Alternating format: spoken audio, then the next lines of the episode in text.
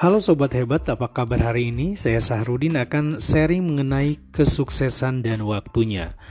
Bila sedang duduk dan bersantai, coba renungkan mengenai kehidupan ini. Semua berputar, ada naik dan ada turun. Intinya, ada giliran dan masanya. Kapan saatnya kita naik dan kapan saatnya kita turun. Yang jadi masalah adalah terkadang kita tidak siap dengan keadaan tersebut, baik sedang turun ataupun sedang naik. Yang perlu kita lakukan adalah bersabar dan mempersiapkan diri untuk menerima perubahan dalam hidup kita.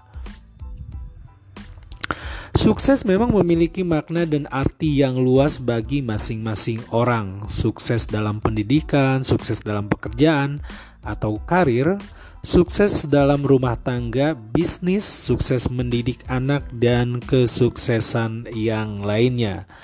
Menurut Brian Tracy, yaitu seorang motivator dan autor, sukses adalah keinginan untuk menjalani hidup sesuai dengan keinginan kamu.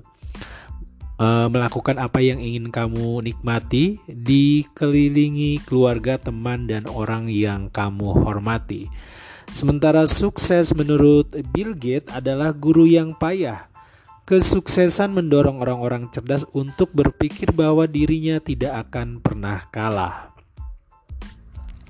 Banyak jalan menuju Roma, begitu juga dengan kesuksesan. Jika kita gagal di satu bidang, mungkin uh, mungkin di bidang lain kita akan sukses asal tahu cara-cara menuju ke arah kesuksesan.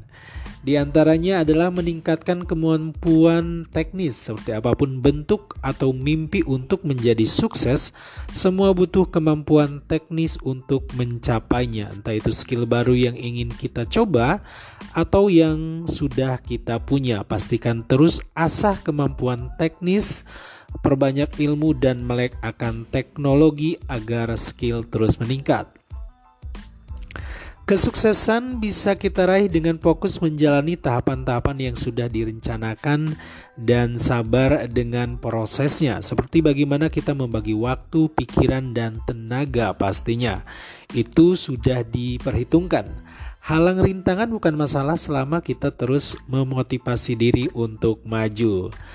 Kesuksesan juga ditentukan dari eh, sebaik apa komunikasi dan kerjasama dengan orang lain network yang luas, relasi yang uh, terpercaya, bahkan anggota tim yang loyal karena banyak orang yang bisa sukses dengan bantuan atau keterlibatan orang lain. Atau sebaliknya banyak orang yang tidak berhasil karena kurangnya ker, uh, karena kurangnya kerjasama dengan orang lain. Untuk itu pentingnya meningkatkan kemampuan interpersonal skill kita Menjadi orang yang karismatik juga bisa jadi kunci kesuksesan berupa pancaran wibawa dalam diri seseorang, sehingga membuat orang di sekelilingnya merasa segan sekaligus nyaman.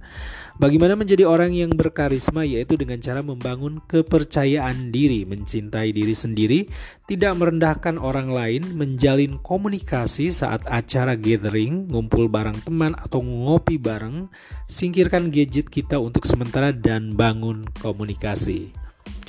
Cara lain untuk menuju kesuksesan adalah personal branding merupakan cara kita dalam mempromosikan diri, siapa kita, membangun kepercayaan audiens terhadap kita.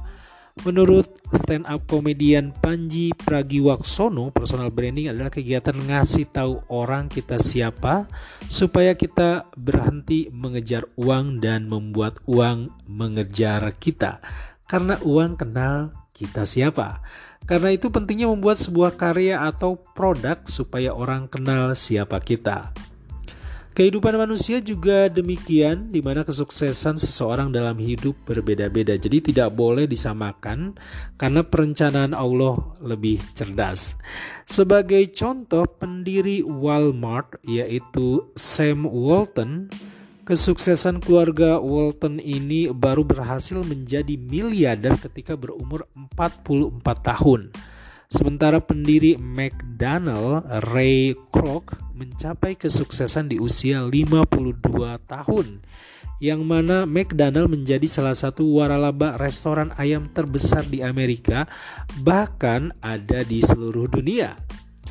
Nah ini juga pembuat sepatu merek Adidas Adolf Dassler mencapai kesuksesan di umur 49 tahun.